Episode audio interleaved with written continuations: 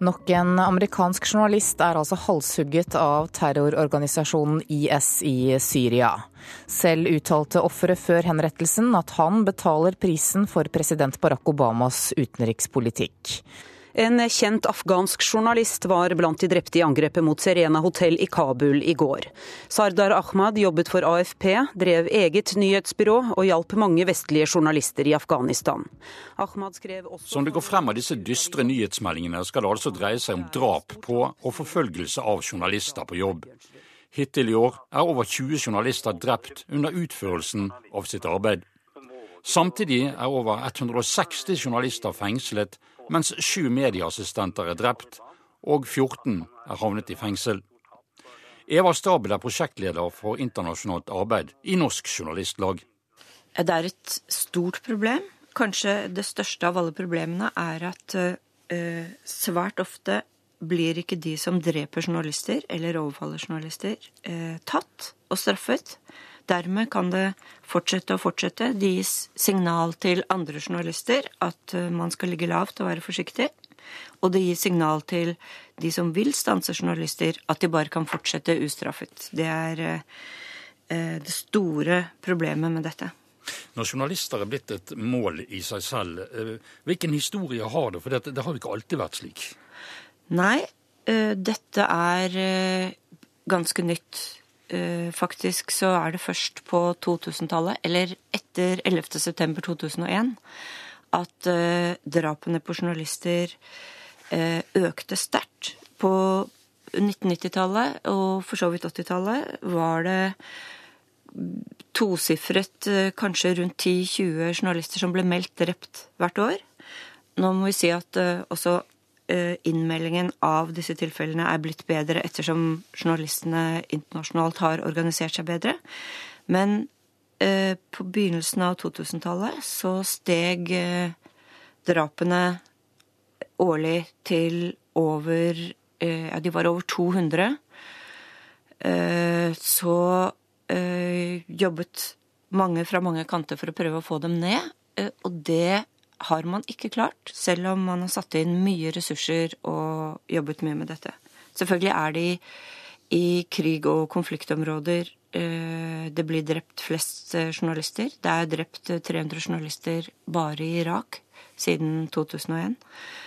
Eh, men det er også i land som ikke er i krig, og det er også veldig alvorlig. Hvilke land vil du da trekke frem, hvis vi ser bort fra krigssonen? Eh, Filippinene som et skrekkeksempel. Eh, Pakistan. Eh, der øker drapstallene. I Mexico og Colombia. Honduras. Og, og selvfølgelig konfliktsoner som ikke nødvendigvis er i full krig, men det er en rekke steder i Midtøsten hvor det er svært farlig, farlig å være journalist, og under afrikanske diktatorer, f.eks. Eh, nå vet vi jo at eh, flere store nyhetsorganisasjoner gjør eh, seg bruk av lokale journalister i, i områder som regnes for farlige for eh, deres egne journalister. Er det etisk riktig, eller bør man heller la være å dekke disse områdene og ikke rapportere om overgrep mot sivilbefolkning og vise krigens grymhet? Det er et uh, veldig vanskelig spørsmål. Man bør vise det. Det er viktig å vise det. Hvis det ikke verden følger med hva som skjer, uh, så kan uh, de som virkelig ønsker det, gjøre svært stor skade, f.eks. på sivilbefolkningen, uten at verden får vite det. Det er veldig viktig at verden vet hva som skjer. Men det er også et stort dilemma når man bruker frilansere, såkalte stringere, som er da lokale journalister i eh, krigsområder hvor man ikke vil sende sine egne folk. Og så tar man ikke tilstrekkelig ansvar for dem hvis det skjer noe. Hvis de blir skadet, eh, såret, hvis utstyret deres blir ødelagt, eh, hvis de må gå inn jorda i full fart, så er det lite hjelp å få fra de internasjonale mediene og de såkalt vestlige mediene som kjøper dette stoffet. Mye av det stoffet vi leser fra konfliktområder, og ser på TV og hører på radio her i Norge, er laget av stringere som ofte risikerer livet for å samle inn dette stoffet. Og de er avhengige av inntektene, for de har mistet inntektsgrunnlaget sitt sjøl pga. at det er konflikt i området. Og de tar stadig større sjanser for å få det stoffet som de internasjonale mediene vil kjøpe. Så i Syria har mange land og store internasjonale medier blitt enige om å boikotte uh, syriske stringere som jobber i krigssonen. Fordi de tar for store sjanser, og det er altfor farlig. Det betyr at vi får vite mindre, men det betyr også at de ikke blir presset til å ta så store risker at de dør av det. Norge er ikke med på den boikotten. Sverige er med, og en rekke andre europeiske land. Nå er det foreslått eh, av organisasjonen Reporter uten grenser at FN oppretter en egen observatør som skal rapportere direkte til generalsekretæren om trygghet for journalister. Er, er dette en vei å gå? Ja, ehm, Reporter uten grenser har de samme målene som vi har i Den internasjonale journalistføderasjonen, der altså Norsk Journalistlag er aktiv og medlem. Men vi er skeptiske til den løsningen. Vi tror ikke at nok en rapportør til eh, FNs generalsekretær er det som skal til. Vi tror at en, eh, et verktøy som gjør at man kan gå inn og straffe eh, de som dreper journalister, på en effektiv måte, enten internasjonalt, kanskje under den internasjonale straffedomstolen, kanskje under de regionale domstolene som Eh, Europadomstolen som African Union har en tilsvarende domstol. Eh, at eh, man kan bringe slike saker inn for disse domstolene med jurister som er eksperter på området, og som har jobbet med dette i mange år. Det fins mange av dem. Det fins hele miljøer som jobber med det som internasjonalt kalles impunity, og som også er det store problemet med straffefrihet for drap. Hvor, hvor langt er man kommet med det arbeidet? Eh, det er i startfasen. Eh, som sagt, det er miljøer som har jobbet med dette i mange år, men akkurat det å organisere seg og samle seg og prøve å få det til noe konkret, det kommer til å ta litt lengre tid. Men det er altså allerede sånn at eh, det eksisterer en resolusjon fra Sikkerhetsrådet fra 2006 som har bestemt at FNs generalsekretær skal lage en årlig rapport som viser drap og overfall på journalister og angrep mot ytringsfrihet. Og vi har ikke sett noen endringer etter at den ble vedtatt da for ti år siden. Så vi tror ikke helt at dette er veien å gå. Sa Eva Stabel, prosjektleder for internasjonalt arbeid i Norsk Journalistlag. Harald Henden er fotojournalist i Verdensgangs utenriksredaksjon. I over 25 år har han arbeidet i krigs- og katastrofeområder. Da jeg snakket med ham tidligere i år, sa han dette om utviklingen av vold mot journalister. Det har jo gått uh, feil vei uh, i den sammenhengen. Eh, det er åpenbart blitt eh, mye mer risikabelt, og kanskje også en del andre risikoer enn eh, det vi så da jeg startet min karriere. Da tenker jeg jo spesielt på kidnappingsrisikoen som vi nå har i enkelte områder av verden. Samtidig begynte nok dette å forandre seg en del under Balkankrigene på 90-tallet, særlig Bosnia der uh, journalister nærmest ble et mål uh, i seg selv. Uh, mens man tidligere hadde en noe mer beskyttet og nøytral rolle. Hvordan forbereder man seg når man vet man skal inn i et konfliktområde? Det som eh, ligger i grunn, og, og, det er egentlig begrunnet av eh, en del hendelser de siste årene, det er at vi i, i VG eh, sender ikke folk ut lenger uten at man har et basis sikkerhetskurs. Og Det er et kurs som består av veldig mye spisset førstehjelp, som kan behandle skader man kan oppleve i en krigssone, samt en del ting som går på hvordan man bør oppføre seg og hvordan man kan minimere risikoen. Risikoen vil alltid ligge der, men hvordan kan man gjøre den minst mulig. Det ligger i bunn. I VG har vi begynt å kjøre egne sikkerhetskurs, og de siste to årene har vi hatt 30 medarbeidere gjennom disse kursene. Det neste er eh, idet man skal ut, å skaffe seg mest mulig kunnskap om stedet man skal til. Eh, og da gjerne lokalkunnskap. De stedene jeg reiser til ofte, så har jeg jo gjerne faste eh, lokale folk som jeg arbeider med, som er tolker, fiksere. Som jeg stoler 100% på, og som kjenner forholdene på stedet veldig godt. Det er ekstremt viktig for å minimere risikoen. Uh, og uh, når man har den kunnskapen, så, så kan man uh, også bevege seg mye sikrere. fordi det er ikke lenger slik i konflikter at det er eh, store frontlinjer med, med kamphandlinger. Eh, det er ofte eh, lokale små lommer der risikoen er høy, kamphandlingene foregår, mens kanskje bare to kvartaler unna så kan det være relativt trygt. Og Det er den kunnskapen man må, må prøve å få før man, før man drar ned. Der er jo en relativt kompakt gjeng som, som, som, har dette som profesjon, så å si. Hvordan støtter man seg på kollegaene sine? Det, er, det, er, også viktig for, for sikkerheten. og uh, Det er helt rett som du sier, og det gjelder kanskje spesielt stillsfotografene. Uh, det, uh, det, er, en relativt liten gruppe som drar til de samme områdene igjen og igjen. Siden jeg begynte har det naturlig nok vært noen generasjonsskifter, men fortsatt jobber jeg sammen med folk som, som jeg traff for, for 5-26 år siden. Og det vi gjerne gjør, er jo å teame opp. Um, er vi i et risikoområde, så kjører vi gjerne flere biler uh, sammen, uh, slik at vi har en retrettmulighet. Skulle noe skje med en bil mekanisk, jeg jobber sammen med folk jeg stoler på, eh, som jeg vet hvordan reagerer i en presset situasjon. Eh, at man ikke får panikk, men fortsatt kan handle rasjonelt.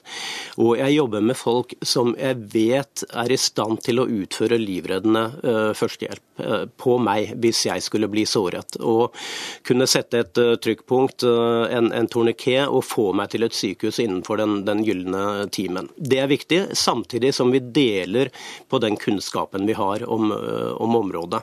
Så det er veldig, veldig uh, viktig i forhold til sikkerheten å arbeide med, med folk man kjenner. Eh, gjennom alle disse årene du har holdt på med dette, så må du jo også ha, ha merket at kollegaer er på å si, tatt av dage. Hvordan reagerer man på det når, når kollegaer går vekk?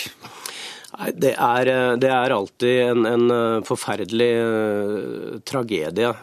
For min del var jo det verste Serena hotell i 2008, da Dagbladet sin journalist Karsten Thomassen ble skutt. Og vi kjempet i flere timer for å holde han i live og han da likevel døde eh, etter å ha kommet på, på operasjonsbordet. Og eh, det er, eh, det er, et sjokk. Det blir en ytterligere påminnelse om hvor skjørt livet er, spesielt i disse områdene. Og det er jo også kolleger som har sluttet å, å dekke krig av familiære årsaker, eller fordi de synes risikoen er blitt for stor. Hvorfor fortsetter du dette arbeidet? Hvorfor er det viktig å være til stede og være et vitne? Ja, jeg har jo sett gjennom, eh, gjennom eh, mange år eh, hva folk er i, stand til å begå av overgrep mot hverandre når situasjonen er riktig. Det at det er uavhengige journalister, uavhengige øyenvitner til stede, kan eh, gjøre at, eh, at overgrep blir, eh, blir, unngått, rett og slett.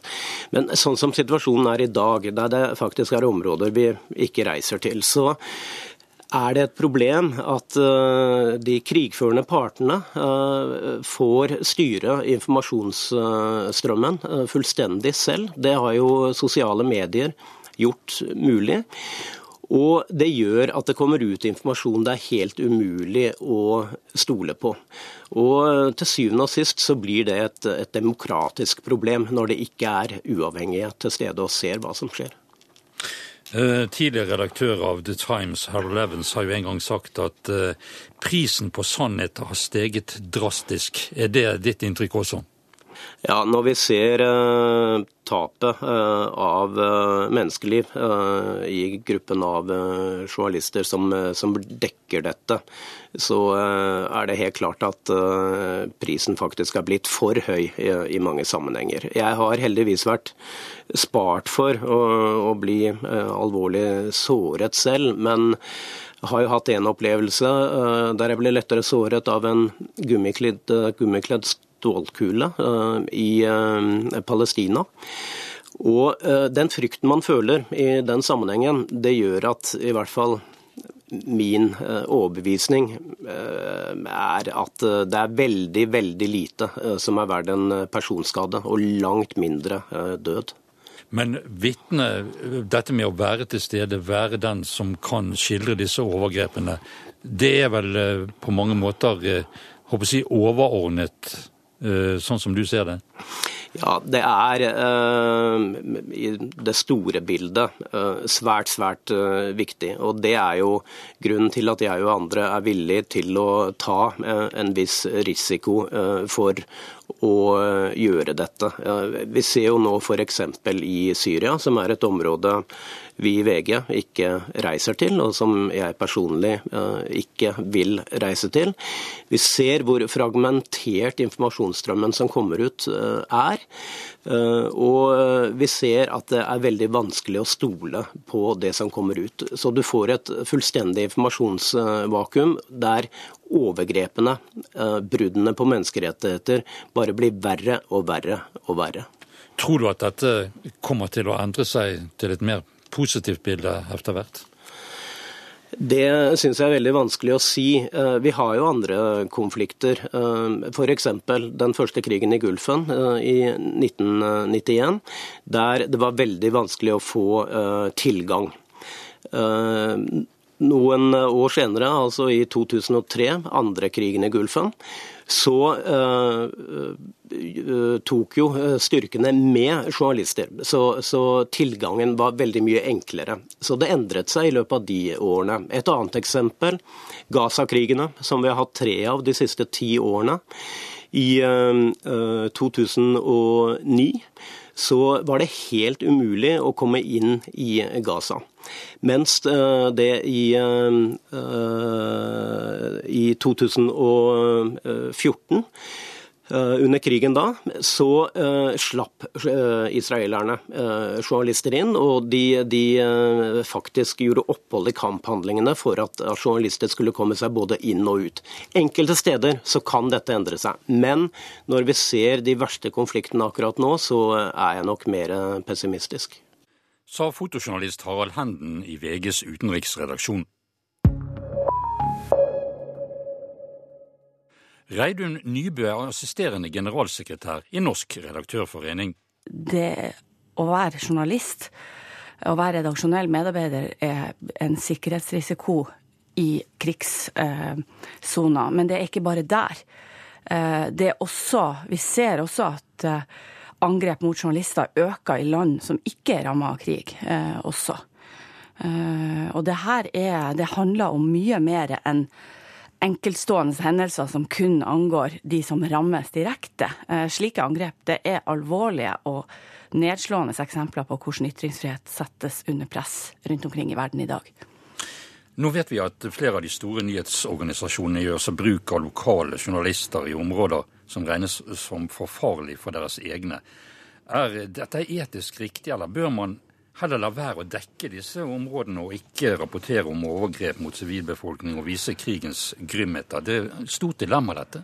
Ja, det er kjempevanskelig. For det er klart at, at eh, for det første så er det eh, Sikkerheten er viktig, eh, og man skal ta hensyn til, til eh, de farene eh, som finnes. Eh, både for sine fast ansatte journalister og for de man måtte bruke av frilansere og enkeltmedarbeidere. Eh, men så er det jo sånn at vi vet at hvis eh, hvis eh, mediene forsvinner eh, Journalister er jo her verdens øyne og ører ut i og, og, gir veldig viktig informasjon om det som foregår.